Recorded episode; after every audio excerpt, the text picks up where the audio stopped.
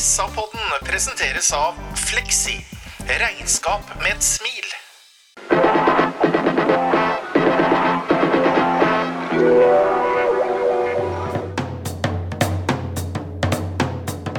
Sarpsborg Arbeiderblad gir deg en ny episode av SA-podden med Sven René Nygård, Øystein Weber, Petter Kalnes og Bjørn Inge Bingen Nilsen.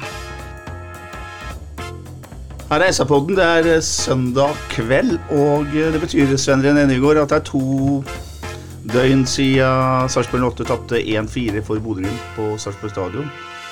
Er du eh, i form?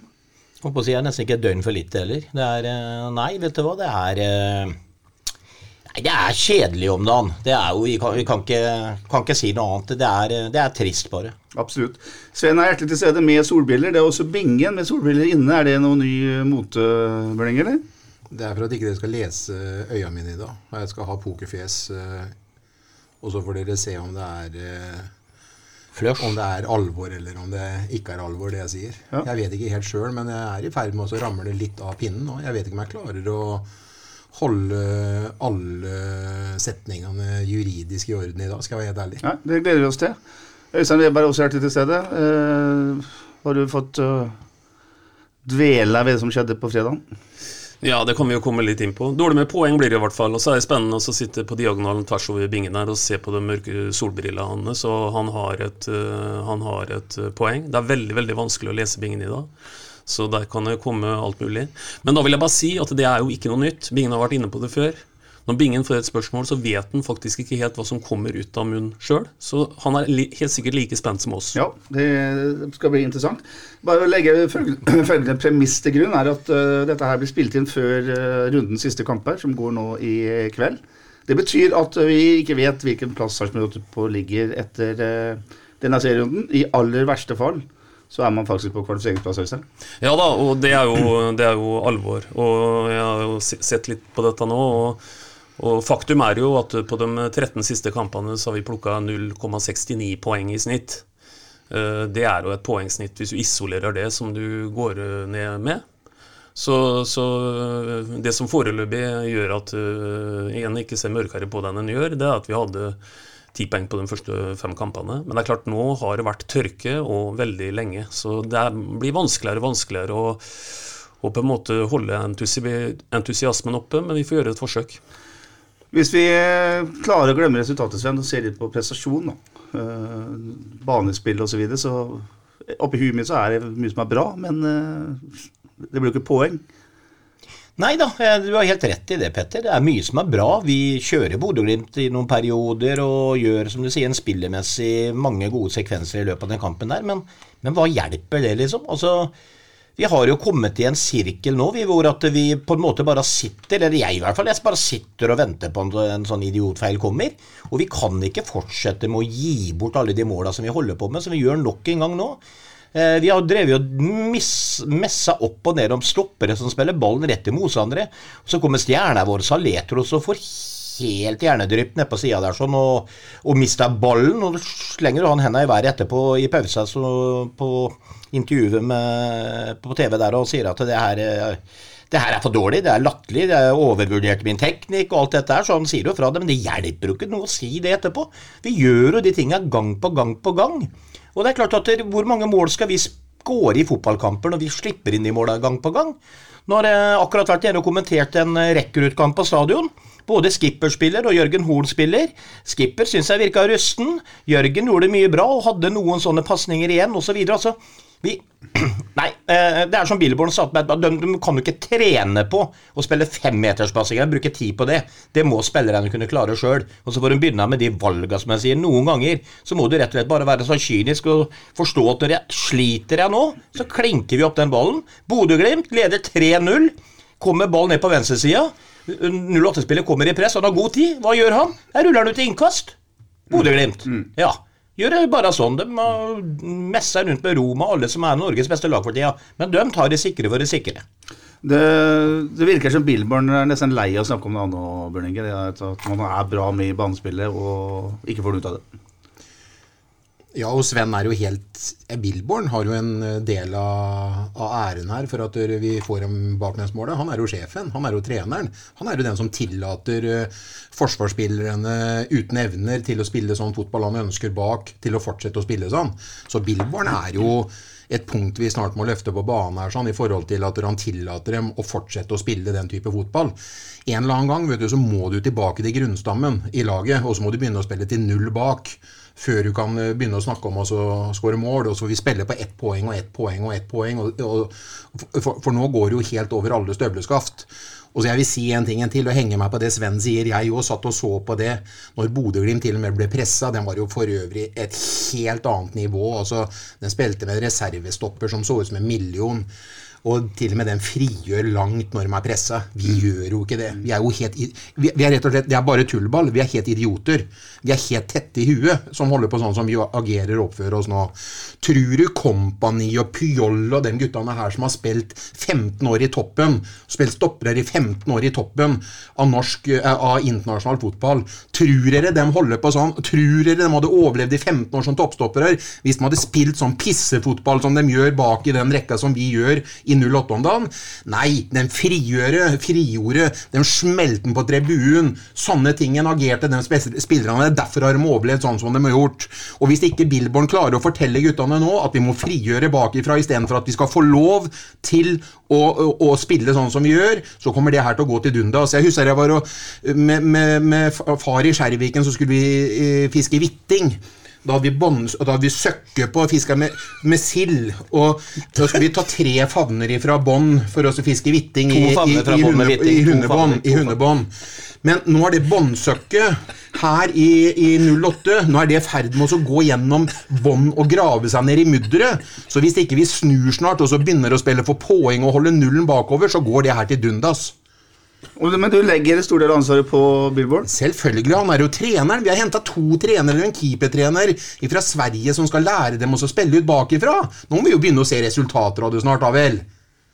Rene noe for pengene, Øystein? Ja, nå kom det fram det som var bak de mørke brillene. Det var nydelig. Det, vi, jo, vi, kjente jo igjen uh, bingen her. Men det er klart at det er veldig ålreit at noen adresserer hvor alvorlig dette er. For det er ikke noe syklubb vi driver med. Vi har tenkt å være et eliteserielag fortsatt. Det blir enda viktigere nå å henge på. Som vi har snakka om mange ganger før, en nøkkelsesong i forhold til økte inntekter osv. Og vi er midt i smørje nå, som poengmessig ikke hadde holdt i det hele tatt. Det må vi bare ta inn over oss.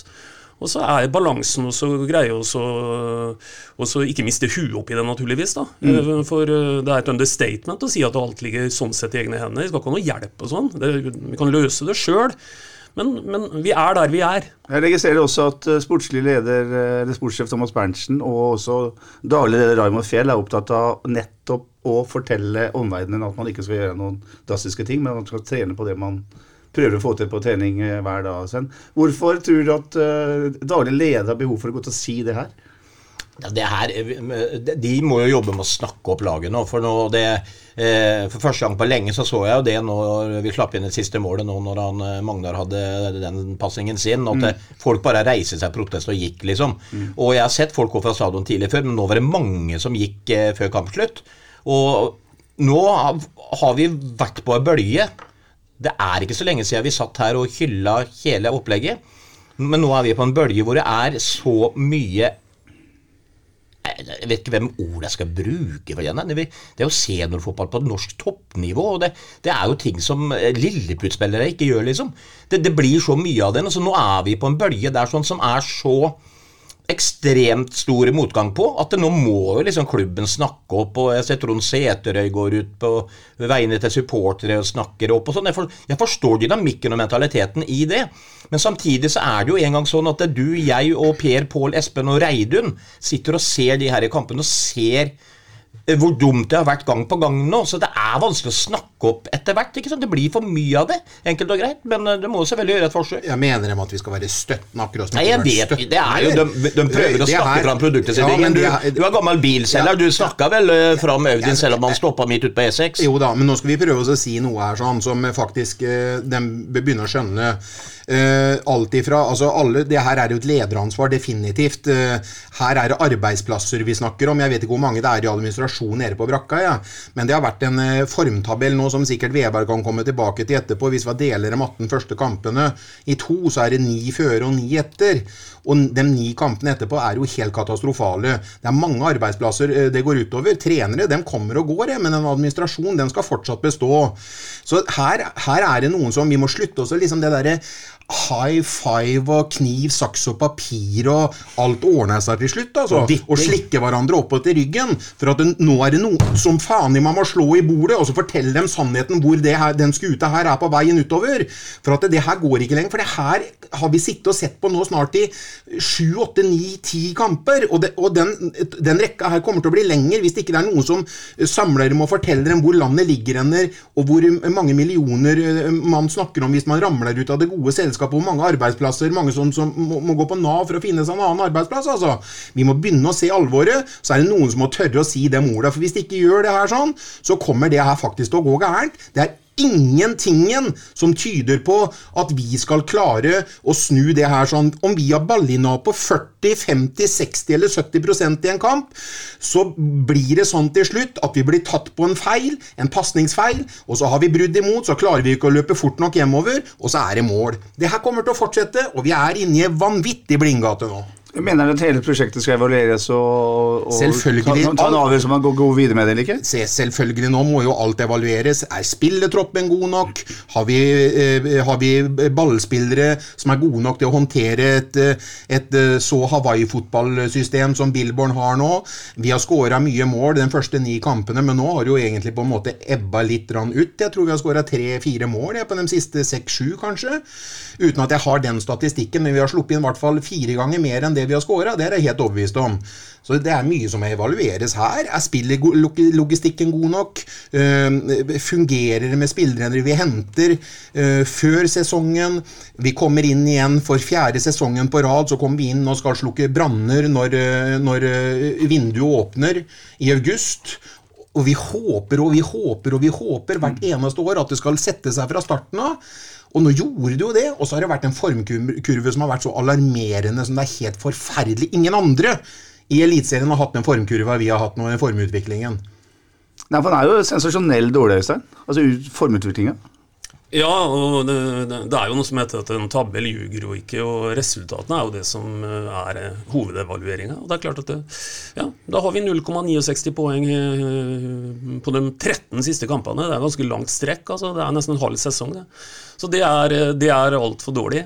Men, men, litt sånn konkret, Bingen. Nå, nå, jeg har nesten ikke lyst til å ta opp den situasjonen, for alle ser jo på en måte at det er jo, det er jo helt utgjort. Men da Magnar eh, slår den pasningen han gjør på den siste, siste der du høres nesten ut som du skal skremme ham til å ikke slå den pasningen. Den siste som vil slå den pasningen, den målgivende til Pellegrino, det er jo Magnar sjøl. Så det er jo et eller annet med at øh, Ja, hva skal vi kalle det, liksom? For jeg antar at øh, den siste som vil slå den pasningen, heter Magnar Rødegård. Det er det siste pasningsalternativet han har. Jeg vet ikke om han håper at det står, der, står igjen der, eller om at han håper på at Anders skal rykke ut fem meter for å ta han og så klinke han ut. Men det som da eh, overrasker meg Sven, for faen. Den ballen, Petter, den ballen Den ballen skal jo på tribunen, eller, jo, eller på jern, vi må jo, vi må jo begynne å bruke litt kynisme. Mm. Vi kan jo ikke holde på sånn. Bare Magnar vet Ingen på stadion skjønte jo hva som skjedde, og Magnar må forklare nesten en gang hva som skjer. Om man uh, får blink Eller blink, sveiseblink. Sveiseblink, ja. om man får, hva, hva, som skjer, for det er jo helt katastrofalt, det som skjer. Og vi leker jo med sånne pasningsvalg. Det er jo ikke første gangen i kampen at det her, her skjer. Det er jo ikke første gang i løpet av den sesongen her at det skjer. Det skjer jo hvor mange sånne mål på personlige feil? Vi kan jo sitte og regne opp ifra Skipper spilte helt hodeløst inn i midten i, i kamp tre eller fire, og etter det har vi nesten ikke sett den på banen. Og så har vi hatt, hatt mange av dem. Og, det, og, der er vi jo litt sånn med kall det hovedproblemet. For én ting er å på en måte begå feil i en fotballkamp som du ikke blir straffa for. Men uten at jeg heller har noen statistikk på det, så vil jeg anta at vi toppa i tabellen over feil som vi blir fysisk straffa for, og det gir, gir eh, et sluttprodukt for motstander. Vi kan begynne å telle opp. og jeg tipper at vi er oppe i et tosifra antall nå gjennom en, en sesong. Uh, hvor, hvor uh, og, da, og, det blir veldig kostbart. Det blir, det blir fryktelig kostbart å, å, fortsette sånn. Det er ikke en læringsprosess, som Maria, Sven, at sesongen her blir sånn som den blir pga. at Billborn skal ha inn en helt ny fotball, og så tar man for store sjanser. og så vil man lære av det inn mot en ny sesong, f.eks.? Ja, selvfølgelig, men det, det, er, alle vet jo at det her er grunn. Altså, De skal ha et nytt spillesesong. Eh, de skal ha våren boll. Man skal ikke gi fra seg ballen unødvendig. Man skal beholde den i laget. Skal du beholde en ball i laget, så kan du jo ikke klinke nå på tribunen hver gang fra bakre firer. For da mister du hele det her måten som Billborn vil spille fotball på. Problemet her er de valgene som hver enkelt spiller må ta. Og bare for å eventuelt, hvis jeg Magnar hører på, da, for å forsvare Magnar i forhold til hva jeg tror egentlig skjedde, selv om det er helt huløst uansett, og ser jo ikke han Pellegrino. Han har helt sikkert tenkt å spille ball foran Anders, mm. som skal bare kunne ta med seg ballen. Mm. For han ser jo ikke Pellegrino. Han, han jo, det, det, var rett og slett eh, om han kom i blindsoner eller hva det var. Det er jo derfor den ballen havna hos Pellegrino. Mm. Men eh, det er en læringsprosess. Men jeg har sagt det i andre podder også. Det er ikke mulig å drive en læringsprosess på den måten vi driver den på nå, liksom. For de spillerne som da skal slå denne passingen, de må være sikre på at de kan ta den. Så må de ta egne ansvar der. Jeg vil ikke henge Billborn opp på knaggen for at Magnar gir Pellegrino den, eller Simen-spilleren rett i brøstet på motstander, osv. Hver enkelt profesjonelle fotballspiller må ta det ene ansvaret. Og så er de sikkert satt under litt press i forhold til at de skal prøve mest mulig, men fortsatt, det er dømmes ansvar. Og en annen ting, nå syns jeg vi så en Gustav Engvald, som jeg tror blir veldig spennende. Han visste fart en periode. Nå kan du jo faktisk litt pressa klinken opp litt nå. Mm. For da har de en som kan jage den der oppe. Når Molins var der, så da gir de bort ballen. Men nå kan vi jo tenke den her berømte annenbølja. Slå opp, Engvald kan komme først på den, komme etter og starte angrepet høyere i banen. Mm. Og så tenker jeg også sånn altså, Når vi, vi eh, fyrer litt her, og, og, det er helt riktig det som blir sagt i forhold til det skrikende behovet for å, for å uh, ikke ta uh, være dumdristig, da, og alt det vi har vært inne på i, i forhold til det. Men så er vi også utsatt, da, for å være litt sånn, litt sånn morsom på det, for litt sånn irriterende sympatiske uttalelser om dagen av motstandertrenere. Da Geir Bakke var her, da, da hva, hva, sa han, Petter? Love it, sa han på, ja, ja, det var ikke måte på hvor bra det var. Ikke sant? Da han skulle beskrive Sarpsborg. Ja. Og jeg vet ikke om dere hørte Knutsen nå, etter kampen. Han er full av lovord uh, om Sarpsborg. Han sier at de har starta på den reisa vi starta på for noen år tilbake. Uh, dette her liksom blir bra i sluttregninga, og de kommer, å, uh, de kommer, til å, ta steg bare utover denne høsten, sier Knutsen. Og så legger jeg til, da det er jo nesten irriterende å høre, naturligvis. For, for er det noe tidspunkt hvor timingen for å være litt, litt raus med uttalelsene, det må jo være etter at du har fått med deg tre poeng fra Sarpsborg stadion og skal reise hjem. Mm. Men, men, men, de sier nå en gang eh, det, da. Men jeg tenker her må vi skille mellom to ting. Eh, eh, vi, vi, må skille mellom det som på en måte kanskje går på den mer sånn grunnleggende tankesettet som en forsøker å innføre. Men vi må selvsagt ta oss og minimere de hjerneblødningspasningene eller inngripende som medfører pang rett bakover. Mm. Laget fredag kveld det var Anders Kristiansen som var tilbake i buret etter langvarig skade. Eirik Vikten var høyrebekk. Joakim Soltvedt var venstrebekk. Bjørn Inge Utvik og Magne Ødegaard var eh, midtstopperne. Junior Anton Saletius sentralt på midtbanen. Simon Tibling til høyre. Eh, Viktor Torp var den eh, dype spissen. Tobias Heim spilte venstre. Og så debuterte Gustav Engvald på topp. Skal vi bruke litt tid på de tre som har kommet inn i det laget her? Nå skal vi snakke mye om spillrekruttering på tampen av sendinga, men vi må ta en liten prat om uh, Engvald Torp og Tibling. Vi kan starte med han som debuterte, Bingen. Eh, likte du den nye spissen? Ja, jeg syns han jobber og river og sliter og drar godt i, i det. Han uh, kommer jo fra et nivå som han absolutt skulle skulle vise seg fram på Jeg vil jo si det at stopperne til, eh, til Bodø-Glimt ikke har noe dårligere nivå enn det, det de har i, i Belgia. Så eh, dem, han, kom, han, kom, til et par skuddforsøk, men det var liksom aldri sånn opplagt at han skulle satt den i nettveggen. Det, det, var, det var, eh, skudd som ble redda av Faye. Og han jobba sto på, prøvde å søke og rev og slet mellom eh, stopper og bekk osv. Så, videre, så jeg syns det var positivt. Så han må bare fortsette med det. Og han vet jo det at eh, spisser skårer jo ikke flere mål i hver kamp, bortsett fra Pellegrino om dagen. Så det er bare å fortsette med den jobben der. Han har igjen i treverket og eh, så Hva syns du om Engvald? Nei, jeg eh, jeg syns i hvert fall at vi skal gi han noen sjanser her. Eh, Vi kan ikke forvente at du kommer inn og skal dominere etter å ha vært her i byen i 48 timer, eller hva det er for noe. Så ut ifra alle de forutsetningene der, så syns jeg det er noe, noe av dette vi kan sette på plusskontoen. Jeg syns sånn i det store og det hele at at uh, vi skal også uh, ikke på noen måte sage en Tibling og en, en Viktor Torp øh, ennå. En ser jo f.eks. på en Tibling at uh, en kan skjønne hvorfor, hvorfor Billborn vil ha en sånn en type. For er det ett budskap som, som Billborn har messa veldig mye, så er at en skal vise seg fram og, og ikke gjemme seg bort og komme seg ut av pasningsskygge og ønske å ha ball. Og er det i hvert fall noe Tibling eh, gjør forsøk på, da, så, så er jo det. Jeg syns han prøver å involvere seg veldig mye, og så har han helt sikkert veldig mye å, mye å gå på. Det er kommet tre mann inn i laget, Sven, midt i sesongen. Eh, Er det et tegn på panikk på Sarpsborg stadion? At man hiver dem inn på laget? Nei, men det er jo et tydelig signal om at de ikke er fornøyd med det de har. Det er jo ikke noe tvil om det. Eh, og jeg henger meg på at alle de tre gutta der virker veldig spennende. Jeg syns eh, kanskje litt sånn mindre tempo virker på sånn som Viktor Torp, men dæsjik for en, eh, en godt trent utøver. Deilig steg. Måten han sniker seg i mellomrom på, medtak, går på avslutninger. Det jo blir en bra spiller, vet du. Så jeg, jeg tror vi har vært ganske heldige med de tre der i forhold til måten de kan spille fotball på offensivt. Så får man nå bare diskutere og messe i det uendelige, da, om eh, Skulle vi hatt noen flere lenger bak? Ja, det er en eh, En stødig, stødig kar med et stødig, stødig bein siden av gladiatoren eh, Utvik. Så begynner ting å, i mine øyne å ligne på noe som kan bli veldig positivt. ja. Berntsen sier både til oss i SA og til eh, Eurosport at det, han går for den troppen han har nå, Bingen. Hvis du tar en forsvarsrekke, er du beroliga av orda til Berntsen? Jeg tror, eh, jeg tror eh, den forsvars... Nei, jeg er jo ikke det. Jeg er ikke det. I, I måten eh, vi skal spille fotball på. Skal dem komme til sin rett, rett så skal ikke dem være spillende stoppere og gå av ledd og slå ut på bekk og få den igjen inn i midt osv. Det, er ikke- det, er- det er rett og slett det er bevisst over tid nå at vi har ikke mannskap nok defensivt til å spille en sånn type fotball. Nei, og, og som jeg har vært inne på før, Bingen, beviset for at du selvsagt har rett i forhold til at det er noe å gå på der, det er jo den rulleringa vi gjør bak der.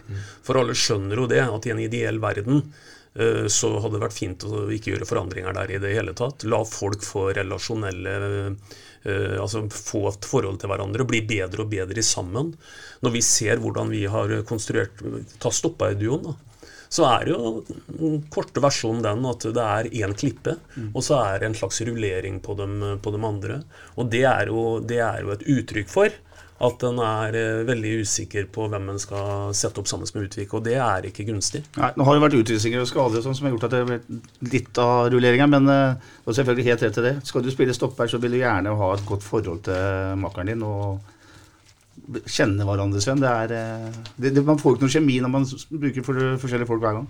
Nei da, og så skal jeg liksom, eh, som gammel forsvarsspiller, da, så skal jeg liksom bare snakke litt mer rundt den bakre firer. Eh, Som jeg sier, kanskje skulle vi hatt en stødig kar bak der som Nå vet jeg det andre hylles igjen, og Strandberg går til Vålerenga f.eks. Altså fått inn en annen sjef der som er god med ball i beina. For når vi gjør alle de feila bak der, pasningsvalga som har resultert i disse kritiske tinga vi prater om, så må vi også huske på at vi har to sidebekker. Vikne per i dag. Mm, leken, spretten mann. Kanskje ikke verdens beste defensive bekk, det heller. Er ikke han i styrke. Og så har vi en Soltvedt, som har bidratt ekstremt mye offensivt vårt med godt venstrebein, men som ikke er veldig god defensivt. I tillegg, og vi kan ta målet til Bodø-Glimt nå Mobabwe, eller hva heter den der høyrekanten til, som har Nord-Europas raskeste ben? Og så Det er ikke press på ballføret her hos Bodø-Glimt. Så går Soltvedt opp i ryggen på han og vet at nå kommer en ball i bakrom. Så skal Soltvedt på løpsduell. Det er som Ben Johnson og mot uh, Øystein. Nygaard. Øystein Weberg på løpsduell. Istedenfor så kommer forsvarsspiller og ser faren der, f.eks. Vet du hva? Nå må jeg bare stikke noen meter, og så kommer jeg før den. Og så liksom, Det er ikke bare det at vi defensivt oppspill med stoppere, men vi har jo ikke vi har ikke noen defensive krumtapper defensivt på noen som helst måte. Så det er så mange sekvenser. Når vi har spill, eh, motspill mot oss, så sliter vi litt på kantene, syns jeg, med det defensive. Og når vi vinner ballen bak der, så skal vi spille den ut, og så kødder vi den veien òg. Så da kommer du gærent ut igjen, vet du. Du kan ikke gå bra. Det er jo der Sven, du sier det helt suverent, og det er jo der som er så fantastisk å trekke fram noe som er så sammenlignbart i den kampen. Det er sånn på Bodø-Glimt og på oss. Ta venstrebekk for venstrebekk, da. Ta Bris mot Soltvedt. Tenk deg når Bris går opp da, på venstre kant, så rekker han dem hver eneste gang. Han er så hurtig, han spiller så god bekk. Tenk om den gutten hadde fått lov til å spille høyrebekk, altså hadde han jo allerede vært ute av, av landet. Han er jo helt fantastisk god, og han er jo bedre enn Samstedt, det er jo ikke noe tvil om det. Men ta solfrett mot Bris og sammenlign dem to i forhold til tempo og, og ballbehandling og pasningsspill. Fy faderen, Bris spiller jo som en konge. Kjemperart at han er ute av distriktet og forsvunnet for alle vinner. Eh, det er bare synd, rett og slett. Men han er på et godt lag, og, og Bodø-Glimt dere, dere skjønner dere vi her i podden og, og nede på Sarpsborg stadion, hvor langt unna vi er å spille kval til Champions League når vi spiller mot Bodø-Glimt i forhold til når du tar mann mot mann. Det er, det er så himmelvid forskjell. og så Drit i det der tversoverspillet vårt og at vi har så mye ball, ball possession osv. For at den bryter når den bryter, og når de kommer i angrep mot oss på Sarpsborg stadion, så måtte jeg ta meg i det flere ganger. Det så nesten livsfarlig ut. Det så ut som de skulle skape målsjanser hver gang de kom mot oss øh, i, over midtbaneleddet og skulle utfordre oss mann mot mann.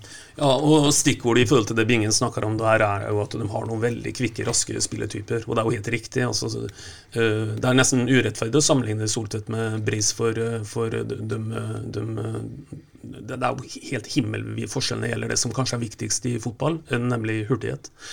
Og bare for også jeg henger meg litt på Bris her, da. Jeg dro til Sandefjord i fjor, og så vi tapte 2-0 der borte. Bris var man of the match. Eh, Da husker jeg tenkte at han er nok den neste landslagsbekken til, til Norge, hvis han får justert litt eh, på noen taktiske vurderinger. Nå så han ut som et, et ferdig produkt. Han er en eh, han er en bekk som er så god at uh, ja, det, det er nesten leit å tenke på at en gang i tida så spilte han på Tveter. Ja. Sven, jeg hører på dere snakke nå, så, så hører jeg at du sier at uh, man ikke har midtstopper til å spille i systemet. Eh, Du sier også at de ikke har, egentlig har sidebacker til å spille i systemet. Uh, likevel, så det- det- spiller, likevel så spiller man i systemet. Ja da, men, men vi, vi, vi, har, vi, har, vi har sidebacker til å spille det systemet vi Jo, men vi spiller jo defensivt. Ja, ja. Men vi legger jo til grunn at vi skal ha den ballen i Ja, ja. 70% da. Ja. Og da er jo dem altså, vi, vi vet jo med målgivende fra Soltvedt, og vi, Ja, ja. vi så jo det når det gikk bra, når vi var på den eh, rene bølja. Men vi, vi, vi snakker så mye om at der, eh, våre midtstoppere sliter med å, å slå trygge valg framover og spille på vårt brudd og spille dem rett i åpent mål omtrent og sånne ting. Men poenget mitt var det at eh, hvis du ser bort ifra det som er en katastrofe, bare det, så er vi heller ikke veldig godt forspent defensivt på sidebekkene. Det er, det er min tanke. For det med mann mot mann, eh, Pellegrino mot eh, enebekken og mm. Babbe eh, mot, eh, som jeg sier, i forhold til fart og alt dette her, så sliter vi jo på den biten nå. Så vi har et eh, Altså, jeg, jeg skal ikke snakke ut noen av laget, men jeg, jeg, jeg traff han Patrick Walter Larsen i dag da jeg var og kommenterte, og som jeg sa, min drøm nå, det er at vi beholder plassen i år, først og fremst. Selvfølgelig. Og så skal vi ha kontinuitet på de offensive spillerne. De skal trene enda mye mer på, på pasningsspill og bevegelser. Og så skal vi bruke kroner nå neste gang på en eller to klassestoppere som går inn og gjør en kjempejobb der, og så beholder vi de offensive fibrene som er nå. Eh, kanskje Molins må jo selvfølgelig ut etter hvert når Mogen skal eh, på plass osv. Vi har han i bakhånd som er spennende. Får vi inn det, som kan spille den ballen på en trygg måte opp, sånn som Bodø-Glimt gjør. En, en mistlopper som sier Hei! Her kan jeg ikke spille den opp!' Vi klinker den ut til innkastet 08, ikke sant? for her er det for stor risiko. For Jeg så også på Knutsen noen ganger, når de gjorde noen dumme valg, for det gjorde Bodø-Glimt òg. Han var sinna, vet du. Han hoppa spratt utpå der og slo i bakken omtrent. og Så gjorde de ikke det noe mer. Ferdig. Så det er min drøm nå. Bra. Vi skal si litt på Ja, og så kan jeg lyst til å si det, så kan Ja. folk som hører på så hører på poden hver gang si det at du har klikka helt for dem. Har jo skrøt av dem tidligere i sesongen og kom på stadion og vi skårer jo så mye mål videre og kommer aldri til å rykke ned. Men når utviklingen går sånn som den går, så må dumskapen slutte, vet du. Eh, Jeg er sikker på du som ser så mye hockey, liksom, når, eh, når topplaga blir eh, Topplaga vinner pokalen, liksom. Fy faen, når de var på hælene, de smeller vel den pucken til Icy noen ganger, dem òg. Dumskapen må rett og slett slutte, for vi har kommet dit nå. Og så er det én ting til, og det er at nå bruker jeg stadig vekk Sven begrepet 'vi er på den og den bølja'. Eh, og vi kan godt kalle det bølge, Sven. Eh, en god bølge tidlig, og så en lang svakke. Problemet er vet du, at det er en kortbølge og en langbølge. vet du. For den, den første er kort. ikke sant? Det er fem kamper. da Ikke bare det at den er kort, men den første bølga den er kanskje litt lav, og den bølga vi er på nå, er høy som faen. Jo men, jo. men poenget er at det som ytterligere gjør at vi må skrive med litt store, store bokstaver, da, det er at øh, Jeg hadde skjønt hvis folk var oppgitt etter en, øh, en øh, lang periode med masse gode resultater, og så var det ett krise eller to kriseresultater, og så liksom så, malte vi fanden på veggen. Men, men her er det litt motsatt. Dette har vart lenge nå, øh, det vi er inne i nå. Det er det jeg prøver å illustrere med å snakke om en bølge som er på 13 kamper. Det er nesten en halv serie. Men dette er alvorlig. Er det noe som tyder på at de ikke ser alvoret her nede? I klubben? Jeg tror i hvert fall ikke de klarer å avvæpne det alvoret. Jo, jeg tror de ser alvoret, men jeg tror det må liksom Det er som jeg sier, det er et lederansvar nå. Det, det, må, det, må, det, må samles dem som har med klubben å gjøre der nede, og fortelle hverandre, fortelle hverandre, fortelle hverandre ansvaret. Fordi at man kan ikke avvæpne sånne ting med å, fy faen, går det bra med deg? Helvete, nå går det bra. Og vi, vi high five og Nå må de se alvoret hvis ikke de gjør det. Noen må tørre å fortelle dem at det her kan ikke fortsette sånn. Da ryker det arbeidsplasser, da ryker det sponsormidler, da ryker det overføringer fra norsk toppfotball. Vi mister spillere, vi mister publikum. Vi kommer til å komme i en helt annen verden. For hvis ikke de ser de faresignalene nå, i den utforbakken som det har gått, så er det noen andre som må fortelle dem det. altså. Men denne rekka av ansvar, da. øh, Du går fra, Hvis du starta med en lagkaptein, og så går du til treneren, og så går du til sportssjefen, og så går du til dagliglederen, og så går du helt opp på Hans Petter Arnesen som er styreleder. Hvem skal, hvem skal komme inn og se Daglig leder. Det er daglig leder, det er det her sånn. Som må på banen og fortelle Billborn eh, at det er sånn. Og, og det, det gjelder Berntsen, det gjelder uh, Billborn. Nå må lederansvaret legges på dem som er ledere. Nå må dem stå fram som dyktige ledere og, og forklare at vi forventer oss noe helt annet. Dere har, får lov til å hente den og den og den og den og den spilleren, men vi kan ikke fortsette med dumskap. Vi kan ikke fortsette å spille hodeløst bakover. Gjerne Billborn-fotball fra midtbane og i angrep og framover i to tredjedeler av banen, men nå må vi begynne å få mer kynisme inn i laget. Det er et lederansvar. Jeg tror jo helt klokkerent at alle ser alvoret. Altså Alle kan lese en tabell, alle kan se at du har tatt eh, ni poeng på 13 kamper. så Det er ikke problemet. Jeg tror det som er utfordringen, og den, den utfordringen har jo for så vidt også Bingen og du og jeg og Sven når vi skal snakke om det, det er hvilke virkemidler vil fungere. Det er jo det det på en måte koker ned til. Eh, For det er klart at det, det, er ikke, det er ikke sånn at bare du slår knyttneven hardt nok i bordplata, så får du en, eh, får du en nødvendigvis en sportslig reaksjon som går i riktig retning. Det kan noen ganger eh, gå motsatt vei, det er sikkert. Så, så det, det er vel der det står, da. Hvilke virkemidler skal en her bruke? For å, Jørn Andersen, søskenbarnet ditt en gang, Bingen, han ble spurt om i forhold til litt sånn trenerfilosofi som han hadde. Og han hadde en sånn en litt sånn grov trenerfilosofi til Jørn, det var at eh, du måtte behandle folk som individer. Noen måtte du liksom stryke litt medhårs. Noen slo du knyttneven i bordplata på. De, de, de, de responderte forskjellig på dette her, og noen leverte kanskje enda dårligere hvis de fikk knyttneven i bordplata. Det er vel liksom den store utfordringen med, med dette her, som er en lagidrett, og hvor det er masse forskjellige individer. Nei, må det drastiske ting til her nå, Sven? Altså i form av gjøre endringer i lederskapet, f.eks.? Det, det som jeg hadde begynt med, det er jo å på en måte Ja da, vi skal spille Billborn-fotball, men vi må på en måte justere litt på noe. Bare for å komme litt, prøve å komme på spor igjen, da. Eh, fordi det er sånn Nok en gang eh, tilbake til den kampen akkurat dere kommenterte kommentert på rekruttlaget. Så møter de et lag som heter Randesund. Og det som slår meg med Randesund stopper her, de tør ikke å prøve å tre den ballen opp til en kamerat, for det er litt trangt der oppe. Så de løfter den ut på høyre kant, f.eks. Noe sånt nå. Men vi prøvde på det nå. Vi lykkes stort sett med det. Det er jo på et dårlig nivå. Men selv som jeg sa i stad, så tar Jørgen Horn og skipper og slår noen sånne mot Randesund, som er helt håpløse, altså. Noen få i dag også, som hadde, blitt, hadde vært Bodø-Glimt i dag, så hadde de smelt dem inn, ikke sant? Å, faen, å hoste. Eh, men så er det jo veldig tydelig det at de, gjør så mange repetisjoner av dette her eh, hele uka at det blir en vanesak over det. Men bare småjusteringer. Eh, Istedenfor å slå dine mellomrom mellom to eh, motstandere opp til junior, så kanskje løft den litt høyere opp en gang imellom, som jeg sier. Når du ser at det er rom der oppe, så sannsynligheten er stor for at du kan finne spiller. Men finner hun ikke, så har vi liksom sju heller på rett side av ballen. Da slipper du det faremomentet. Jeg mener man må justere litt der. Akkurat nå så må man spille på sine egne spillere selvtillit, og det gjør man ikke på at en midtstopper som får ballen i 08 i dag. Jeg tror, når han skal spille den ballen framover noen ganger, det første han tenker nå driter jeg meg vel ut igjen nå, vel, liksom. Det, det er sånn mennesker funker når du gjør feil på feil på feil. Men nå må vi bare komme vekk fra det der, og da må man, syns jeg, være tvinga til å på en måte spille med litt mer kynisme bak, litt mindre spilloppbygging helt bakfra. Og så må vi bare prøve også å få tak i pløsa litt høyere oppe noen ganger, og så er vi gode nok der oppe. Vil du ha endringer i lederskapet der nede, Bingen? Jeg snakker ikke om lederskapet, men jeg øh, s- øh, snakker om at, at lederskapet må adressere øh, alvoret nå. Det, det snakker jeg om.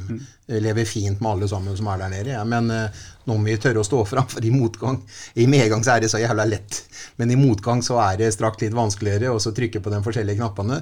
Og det gjør vondt for noen når de får en ubehagelig beskjed, men det må faktisk eh, adresseres og gjøres nå ifra toppen. Ellers så har jeg bare lyst til å si det. At jeg syns det var gledelig. Faen, jeg synes det, Nå ble det jo bare drit her, sånn. Men eh, hvis vi Anders Kristiansen står jo mål. Gledelig å ha han tilbake. Vi ser jo at Mikkel Maigård har nesten lyst til å nominere han til 08s beste på de eh, 20 minuttene han spilte. Det er jo en mann som ønsker å spille forover. Han flakker jo ikke fram og tilbake. Eh, Jeg hører vi skryter av Tibling her, sånn, men jeg tror han er noe av årsaken til at Saletros ikke kom til sin rett i den kampen. her sånn. For Saletros er en rett framspiller. Fram og tilbake, fram og tilbake. Nå mista han litt spillegleden. Jeg tror han følte Jeg føler at han følte at Tibling nesten fløy litt i veien for han. Det ble for mye sånn sideveis hit og dit og for lite gjennombrudd. Vi savner gjennombruddet. Derfor syns jeg det var veldig hyggelig å se at uh, vår danske venn Det er så mye utlendinger nå, så jeg nesten skjønner ikke at det er bare 14 stykker. Men uh, hva heter han Maigård? Mikkel Maigård. Var tilbake. Det var bare liksom for å ta en liten ting der sånn. Er poengspiller, han, må, han blir viktig utover. Men det siste som Bingen sier om Tibling, er, er jeg for så vidt langt på vei enig i. Jeg- Jeg bare prøvde også egentlig illustrere at han, han kommer inn og gjemmer seg ikke bort. Og det kan, kan hende at det er rett. Han tar nesten litt vel mye initiativ og vil være litt vel mye involvert. Og, det, og det kan godt hende det, at det ble ikke den rette linken mot, uh, mot uh, Sal Letros i den kampen. For. Saletros mister egentlig helt. Han farva i huet sitt hvitt, og han øh, Han så egentlig helt mørk ut i spillestilen, så det var liksom motsatt øh, Motsatt av det jeg skulle forvente. Jeg trodde han skulle sprudle, men han gjorde ikke det. Men vi må jo være litt, vi må være... Jeg skal bare si det at jeg savna den Ja, ja. der entusiasmen til Saletros. Jeg så ikke den der gløden og gnisten hans, og så fikk han den hodeløse hvor han var to som stupte inn i ryggen på når han prøvde å drible, og det overvurderte teknikken sin. Men det var liksom noe sånn glede som eh, man savna litt hos Saletros nå. Og fy faderen, jeg savner en Ernemann-type i det laget der, sånn, som kan stramme dem opp og fortelle hvor eh, skapet skal stå. Altså, som eh, hever stemmen, som dirigerer, som samler troppene. Forklarer han at dribler du en gang til, eller slår du den pasningen der som bakerste mann en gang til. Så kutter deg bena, som Eggen Fy, sa. ja, men fy faderen, altså, det må være en eh, Vi, vi, vi, vi savner en Ernemann, rett og slett. Ja da, vi gjør det, men, men så er det noe, noe med dette her som vi har vært inne på før. altså uh, Med en type spillestil så er det kanskje ikke plass til like mange av dem type spillere ennå. Eh, vi har jo United med Scott McTominay, som er en eh, Det er sjef, det. Men for faen, det blir jo bare surr. ikke sant? Altså, Han passer ikke inn eh, i den her måten han kan spille fotball på, så tenker jeg som Ten Hag gjør med United nå. Og sånn hadde det jo vært med Ernemann. Og tenker jeg, Ernemann er bestandig en viktig spiller, men nå Jeg mener liksom det ja da, jeg, jeg forsto hvor du vil med bingen. Men, men de her verbale sjefene som du prater om, de er som regel sånn Det er kalt kalte for sånne dregger eh, i laget som bestandig lå bak der og, og vispa opp, liksom. Men det er ikke plass til så mange av dem nå, dessverre. Men jeg vet hvor du vil hen. Bra, skal vi prøve å snakke om fotballkampen? Ja, det har vært kamp. Vi skal ikke gå i detaljer, men vi kan, eh, vi kan si det at det er jo en kamp som åpner med at uh, Sarpsborg er både høy og mørk i står, står høyt i banen. Presser uh, Bodø ganske høyt. Selv om det er Ulrik Saltnes som har den første avslutninga etter bare fire minutter. Så skyter Pellegrino et frispark et par minutter etterpå eh, fra langt hold, som går eh, ja, nesten innom tverrliggeren. Men så har uh, Gustav Engvald sin første sjanse, en heading etter åtte minutter. Øystein, husker du den? Der Solseth slår et innlegg, og så må Engvald litt tilbake og få heada. Får ikke helt kraft inn.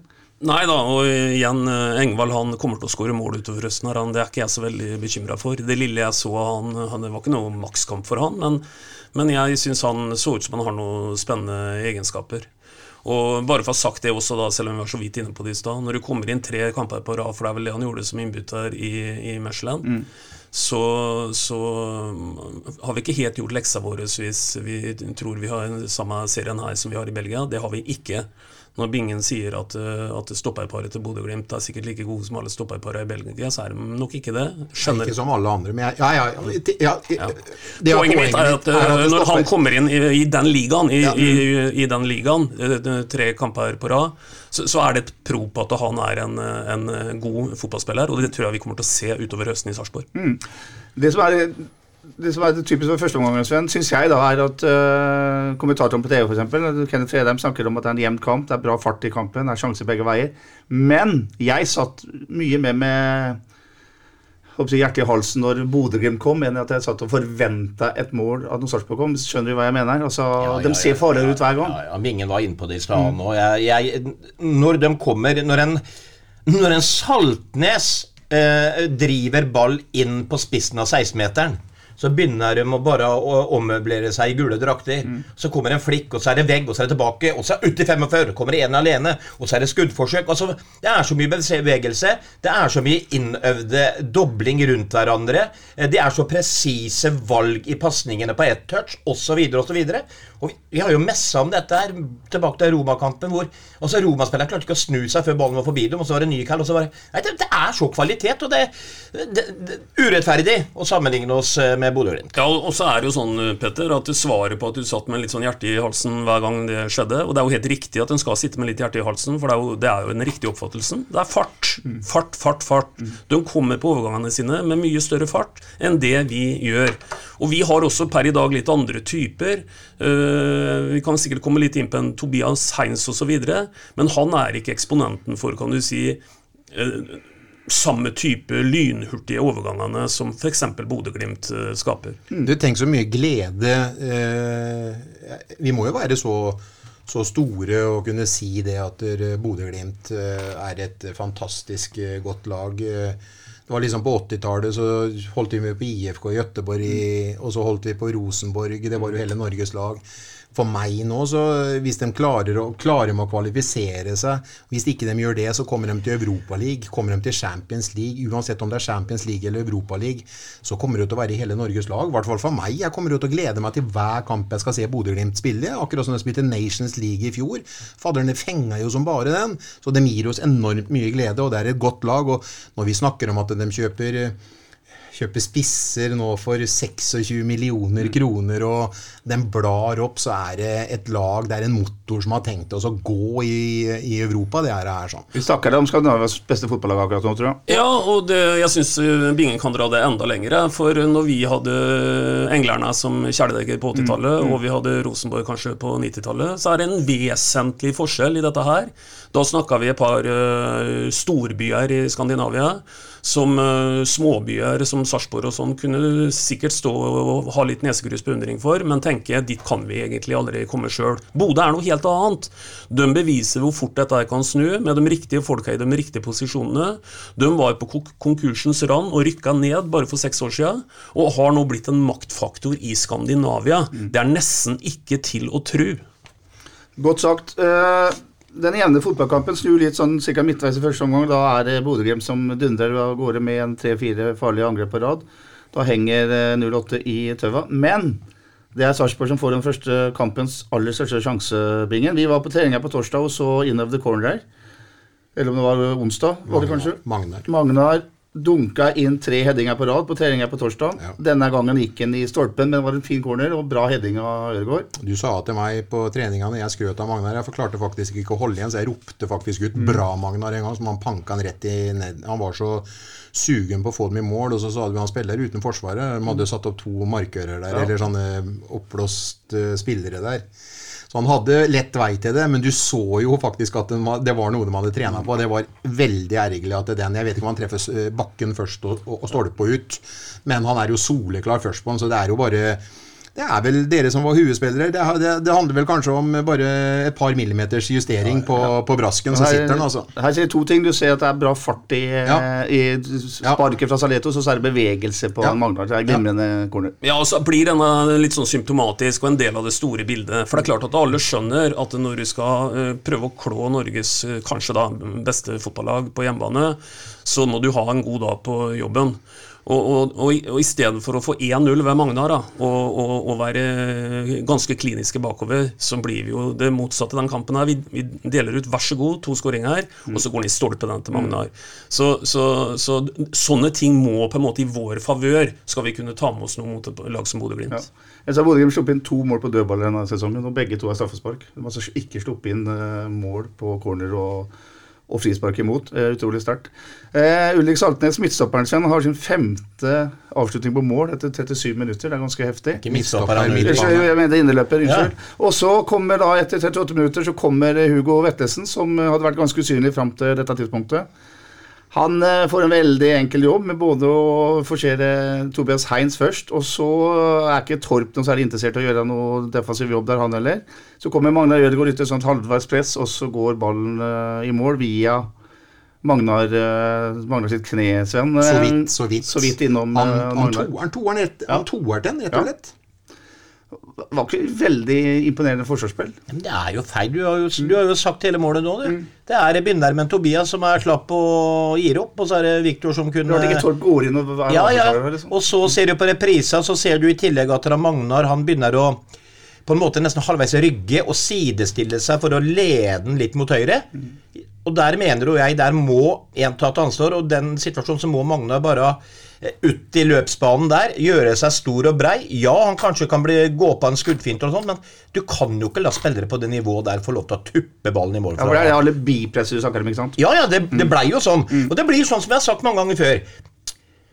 Ja, Magnar stola vel på at Tobias og Torp og alle skulle gjøre en jobb der. Man overflytter ansvar til hverandre. Noen må ta det ansvaret. Ferdig med det, gå ut og bare men hør hva vi sitter og snakker om nå. For når du beskriver det målet, Petter, så tenker jeg er det kampen mot Bodø-Glimt du snakker om nå, eller er det Lajoni-målet som Vålerenga setter inn mot oss? Eller er det 1-1-skåringen som Rosenborg setter inn, da, da, Horn løper 40 meter skulder med skulder, og det er ingen som går ut og på en måte uh, bryter den ballbanen, og han, får til, uh, han svensken med det lange navnet får til slutt tredd den opp i motsatt uh, kryss. Så dette er jo et gjentagende fenomen. vi har jo frist i minnes som jeg sier, Lajoni som gang på gang på gang drar seg mot venstre. Det er ingen som, som vi, vi, vi, får første, andre og tredje forsøk før liksom, på en måte det skuddet kommer. Og det er litt av det samme som vi, vi ser her òg. Vi må begynne å lære å dømme feilene. Mm. En forholdsvis jevn kamp altså ender med at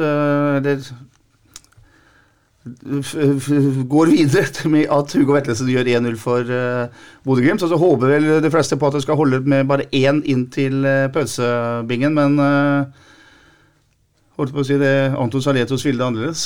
Det er et uh, fryktelig dårlig valg han gjør der. Ja. Uh, jeg sitter faktisk uh, bak ved fossefallet der og ser jo det at der, dem, dem, dem lar nok få vennene heller, og jeg vet Altså Bodø-Glimt. Dem lar nok få vennene. Og det blir plutselig veldig trangt mellom han og Anders òg. Men det er jo Det er jo Det er jo en fryktelig dumskap å prøve å tro at du skal dra av to mann. Og de hogger til i ryggen på han. Til slutt så Eller ballen er jo fra han i løpet av 1, 2, 3. Og så drar de seg inn mot midt, og så setter de en uh, over Anders i mål. Eller egentlig helt utagbart. Anders kan ikke gjøre en dritt. Nei. Pellegrino har jo full kontroll på ja, den situasjonen. ja.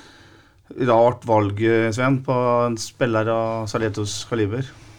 Ja da, og, men det er litt- det, Ja da. Vi, det, jeg har ikke lyst til å preke noe mer om det, egentlig. For det, han sier jo det han sier på intervjuet. Jeg så jo intervjuet. Henda i været.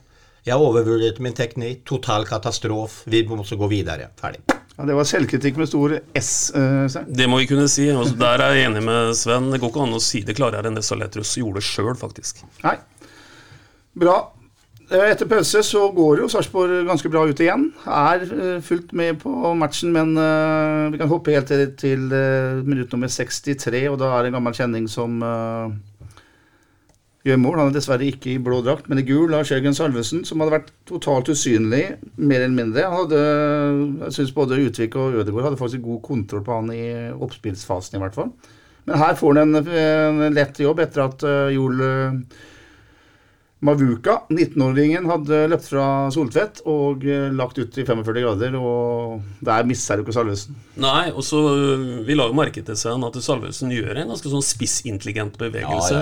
Ja da. Han snakker veldig om at det er ferdig scora og alt dette her. Ja da, den er ferdig scora når han får den. Men uh, måten han får den på For først må du jo han der eh, Mugabe Jeg det navnet her, hva sier det? Han mister M. Eh, han får jo løpeomkamp med Soltvedt, som jeg har vært inne på allerede, som han ikke skulle fått lov til. Han eh, skulle ikke fått i arbeidskåra, så han klarer å komme seg forbi. Og når han går ned til dørlinja der, så er jo Salvesen eh, markert, han.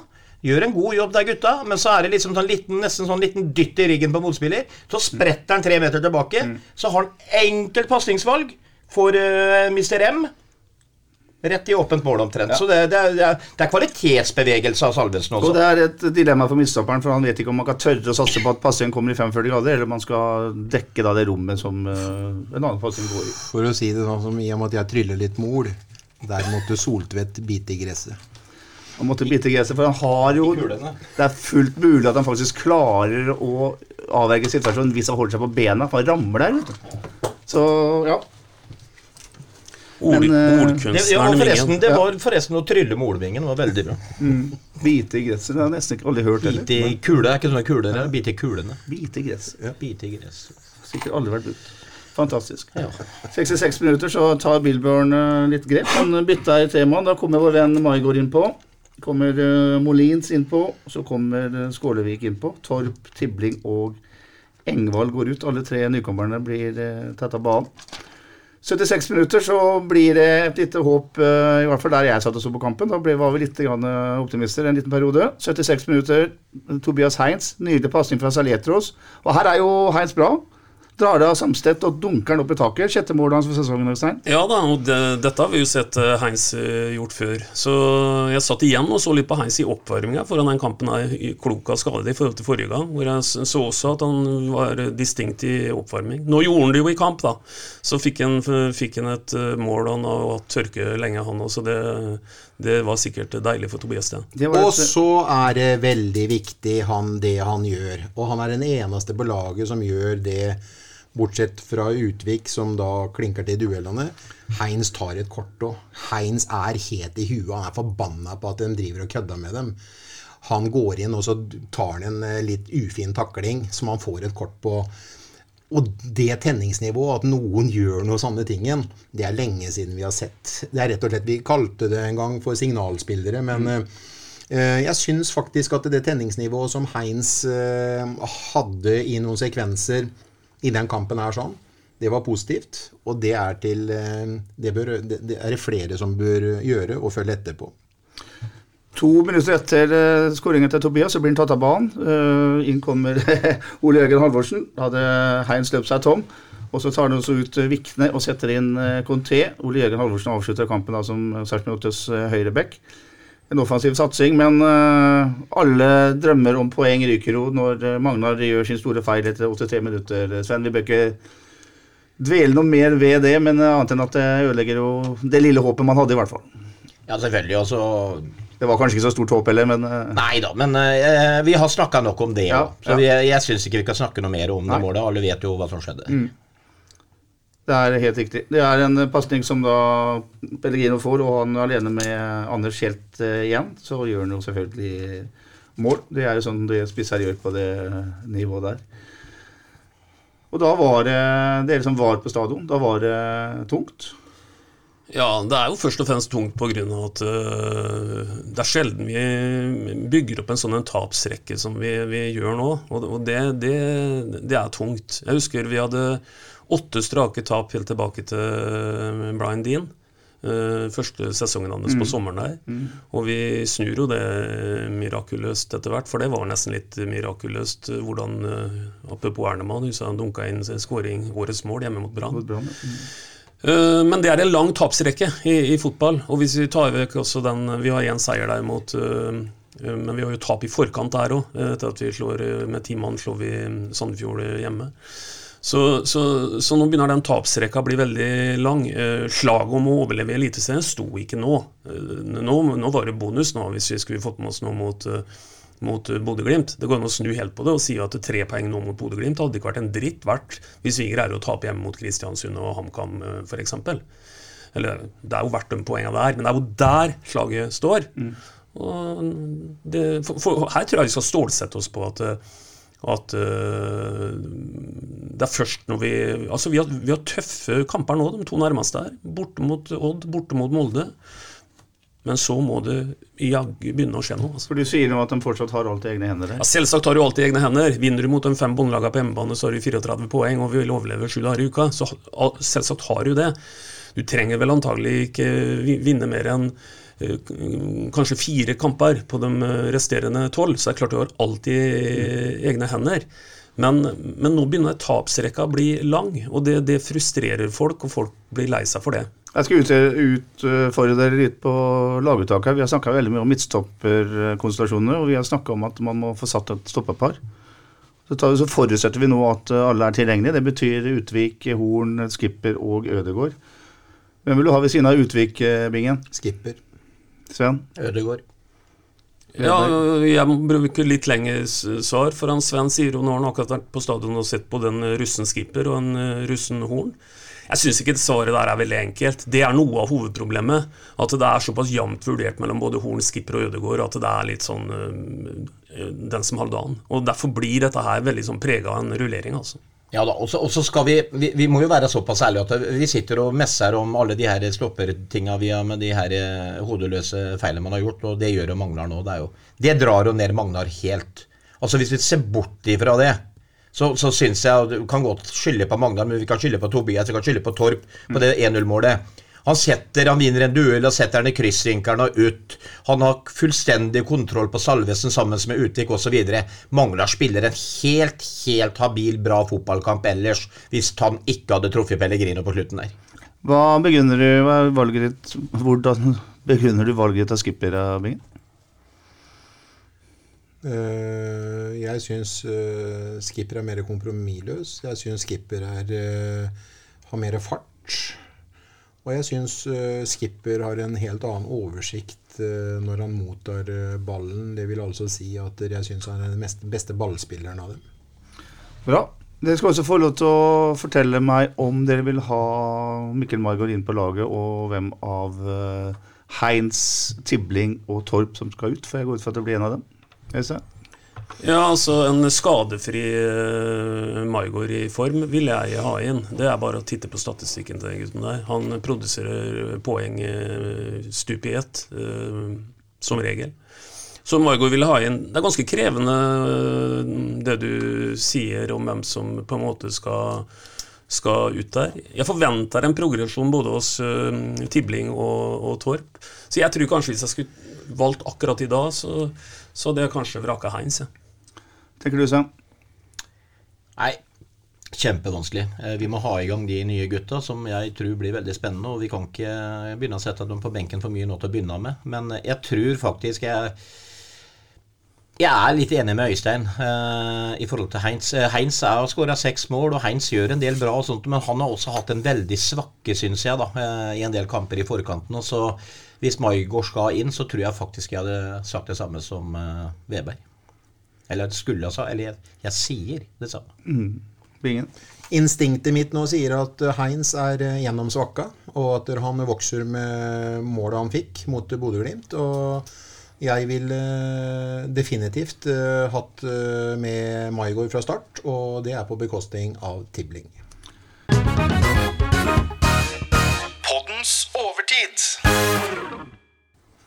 I overtida så skal vi prate om et tema som uh, vi i SA omtalte før helga, nemlig det faktum at Sarpsborg 8 per nå har for mange utenlandske spillere i troppen sin.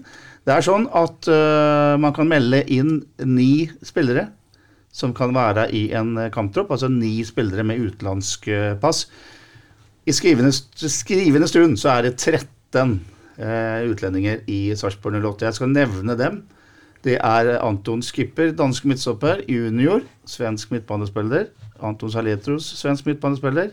Mikkel Maigård, en dansk kantspiller. Simon Tibling, svensk midtbanespiller. Viktor Torp, dansk midtbanekantspiller. Gustav Engvald, svensk spiss. Guillermo Gisse Molins, svensk spiss. Bobakar Conté er eh, angrepsspiller fra Mali. Og så er det Gustav Mogensen, en spiss fra, fra Danmark. Og så er det tre afrikanere. Kamara, Laura Mendy og Campoare. Det er 13 utenlandske spillere, Høystein. Og da er jo store spørsmålet hvem skal ut?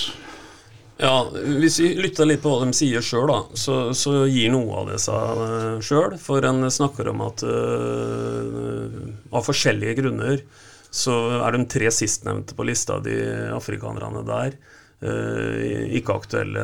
Det vil si, det jobbes vel med et utlån for Mendy. De to andre de er av andre grunner ikke, ikke aktuelle. Da, da, er du nede i ti mann, mm. og, og, og, ti må bli til ni. Så da, da er vi på den, den, den reality-serien, som du sier. Hvem skal bli stemt hjem? Og det er ikke helt gitt, uh, hvis du ser på den lista der. Uh, hvis en tenker at en Gustav Mogensen f.eks. Uh, skal bruke resten av denne sesongen her på å preparere seg for sesongen 2023, så gir jo svaret seg sjøl. Da kunne det vært et valg, at han blir ikke meldt på. Men hvis en tror på at eh, prognosene ser ut at eh, eks-Brentford-spilleren er eh, fit for fight, mens det ennå gjenstår kan du si, fem-seks viktige seriekamper, så bør han jo med. Han, han, er jo en spiss, og, og, og, i det hele tatt så det er litt krevende. For de ti første du nevner der, det er, det er spillere som vi på forskjellige tidspunkt har har løfta høyt, alle sammen. Mm. Det er altså sånn, eh, kjære lyttere, at vi snakker nå om å melde på folk som kan spille i Eliteserien. De som ikke havna på den lista, kan spille i tredjedivisjon, forutsatt at de da, da er spilleberettiga der. Der er det bare x antall over 23 mann man har lov til å bruke. Er det ikke tre stykker, Sven? 23 år. 23 år, mener dere? Tre stykker. Ja. Derfor bl.a. Martin Høiland starta på benken i dag. Men han kom inn når Skålevik gikk ut. ikke sant? Ja. Men Bingen, før vi, vi, kan leke med navn så mye vi vil, men eh, det faktum at man nå midt i sesongen sitter med altså, fire utenlandske spillere for mye hva, hva, hva sier det om uh, spillelogistikken og hvordan det har gått, dette her? For det første må jeg si det at HamKam slipper det, for de signerte Markus Pedersen. Eh, det tok altså én time og to minutter før han sa Markus Pedersen. Men så, men så kom det. da kom det. Ja. Men uh, det er klart at det er jo fordi at uh, uh, afrikanerne feiler. Det, så ærlig må vi jo si nå at det feiler på afrikanerne. Mm. Og så blir det jo voldsomt mye utlendinger, og Berntsen vet at han at han har mange utlendinger, for han søker jo konsekvent eh, i utlandet. Han mener jo at du, får ikke spillere du, får, du, kan få nordmenn som er gode, men de koster mer enn eh, der han leter. Så det er jo en, eh, en grense, det er en årsak. Men jeg tror at alle totalt nå, når det er så mange, mm. så tror jeg det begynner å brenne litt på budsjettet i forhold til et lønnsbudsjett på alle, alle dem her òg. Og jeg får jo håpe at Uefa ikke fører inn en sånn regel i forhold til dem som sitter på benken nå, en sånn utlendingskvote i forhold til legeteam, trenerteam. Eh, fysioterapeuter, fysiske trenere osv. For der er det vel snart bare Sjobakka som går klar med norsk pass i forhold til eh, benken under kamp. Så det begynner å bli veldig mye. Så det skal vel ikke se bort ifra at det eh, internasjonale språket blir engelsk eh, ganske fort mm. der nede på treningsfelt og brakke osv. For øvrig så er jo Bjørklund voldsomt Eh, til å gi direktiver eh, og kjører og styrer treningene på engelsk? Eller er det jeg som har misoppfatta det? Nei, han kjører eh, virker som han kjører aller mest på engelsk. Mm. Så vi har kommet dit at det er Det går på som vi i Sarpsborg ville si, det går på utenlandskt. Det er ikke, det er ikke tveterengelsk, men skjøvdeengelsk. Men uh, Bingen, nå, jeg, jeg, kjenner en politiker i norsk politikk som ble kalla for tåkefyrsten. Nå er, var du tåkefyrste. Hvem skal ut? Ja, hvem, hvem, sa du skulle ut, Weber? Nei, jeg vurderer Mogensen, da. Men, men, jo, men jeg kjenner ikke til. Nei, ja. Ikke sant? Da, da, kan jeg gå og si Kamara, Mendy eh, Campoare. Campoare. De, de, de, de, er greie. Ja, det er greit. Ja. Men det må én til. Og, og, jeg må én til? Ja. må én til på den tierlista. Mogensen. Ja, det betyr at man venter med Mogensen til neste år. Ja, Det er jo ikke noe vits i å vente på at han skal spille to kamper. Nei. Jeg er helt enig. Helt enig med både Weber og Bingen. Altså, og så ikke bare det, men å haste få fram han eh, etter noen korsbåndskader for å rekke to kamper. for å ikke bli, Da har, da har han faktisk hele ettersesongen og helt fram til ny sesong for å få styrka det kneet sitt ordentlig, og han kommer inn fit for fight isteden. Så er jo det for meg soleklart. Lenge vi henta Engal ut uh, sesongen nå, så har vi jo en Molins hvis det skulle med en skade allikevel, da. Så det, det, det, det, kan ikke være så mye å diskutere i mine øyne. Nei, det er enklere enn vi prøver å beskrive det? holdt jeg på å si? Ja, så er det ikke en helt ny øvelse for dem. Dere skrev akkurat det samme her for et år siden. Mm. Eh, kanskje for to år siden òg. Det der med utenlandskvota i, i, i Sarpsborg er blitt et sånn gjentagende, gjentagende, tema. Så det er noe som en også må, må eh, ja, følge litt med på. Eh, for, for her kommer jo inn vi satt jo snakka litt om det nå. I august nå så kommer det inn fem stykker med utenlandspass som ikke var her før 1.8. Og det er klart at kvota er bare på ni så, så, er det en kabal som skal gå opp. altså. Og så er det jo én ting en til nå som også kommer til å, som vi ikke har begynt å prate om. Det er jo ikke noe tvil om at det der går ut over økonomien. Og da tenker jeg først og fremst når ikke noen av afrikanerne slår til, så uh, mankerer vi jo ved årets slutt en, uh, et bidrag på 15-30 millioner kroner. Men har, uh, har, har, jeg nevnt noe i poden før, Bingen, tru, om dette her med kvalitet istedenfor kvantitet, liksom, i forhold til stallens størrelse. Og det har du fått kred for. Og, og, og der er du inne på det med pengene. Vi kunne jo henta flere stjerner, vi. Og hatt flere av de som vi må sitte og diskutere om hvem skal leies hit og dit, og hvem skal vi ta ut av de ti andre, osv. Jeg syns vi må snart begynne å tenker veldig på den politikken der, altså. Så får vi hive inn en Jeg har har sett på den her, eller som jeg sier, tilbake den kampen som jeg kommenterte kommentert tidligere i dag, i forhold til han eh, Fredrik Moen og Dunlop og Bekken og de her ungguttene. Små av vekst, kjappe i bena. Eh, Rakai spissen. Rakai var dødsspennende i første omgang i dag. Mm. Et falt av Lassie annen omgang. Altså, en, en fotballkamp mens det er skade, eller en karantene. men Vi tåler vel det. Så dårlig er de ikke. Men du kan ikke gå inn der og, og, og prege Eliteserien i alle serierundene ennå. Men vi tåler at en av dem er på banen en gang imellom. Hvis den stallen skulle bli litt mindre, da. Ja.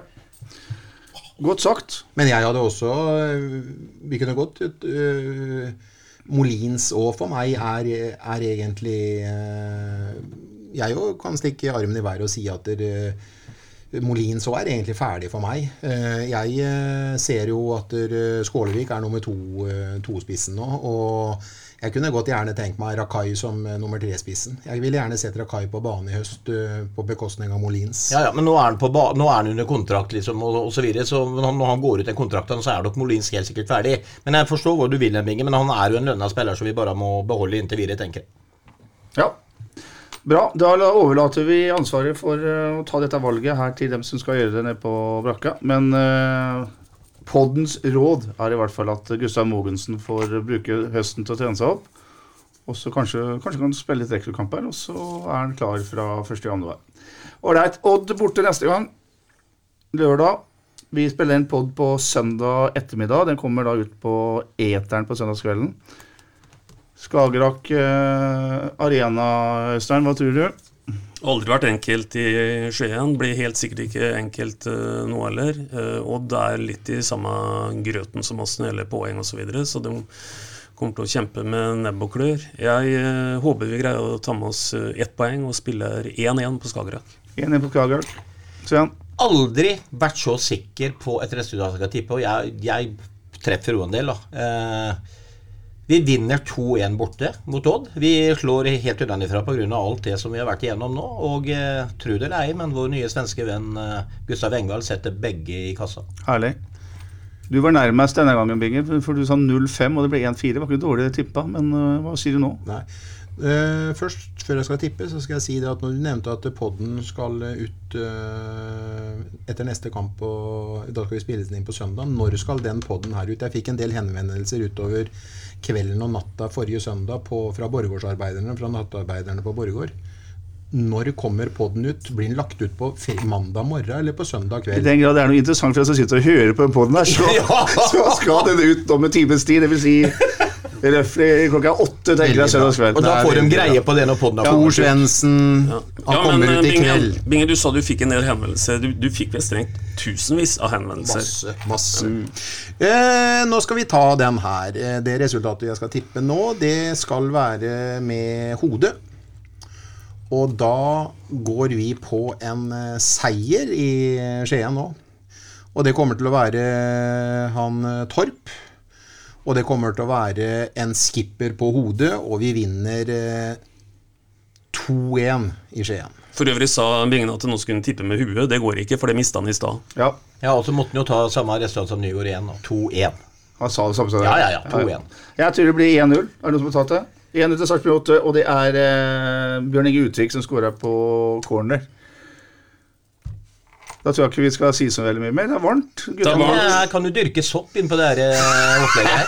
Det er det verste jeg har kjent. Nå skal jeg ta et bilde av Tromsø leder 1-0 mot Kristiansund etter 30 minutter. Ja. Det vet vi mer om senere i dag. Det betyr at det bare hardner tenner i der. Nå skal jeg ta et bilde, og jeg skal love at herrene Nygaard og Bingen skal få lov til å ha på seg solbrillene også under bildet. Vi prekes. Vi Vi prekes. Vi prekes. SA-podden presenteres av Fleksi. Regnskap med et smil.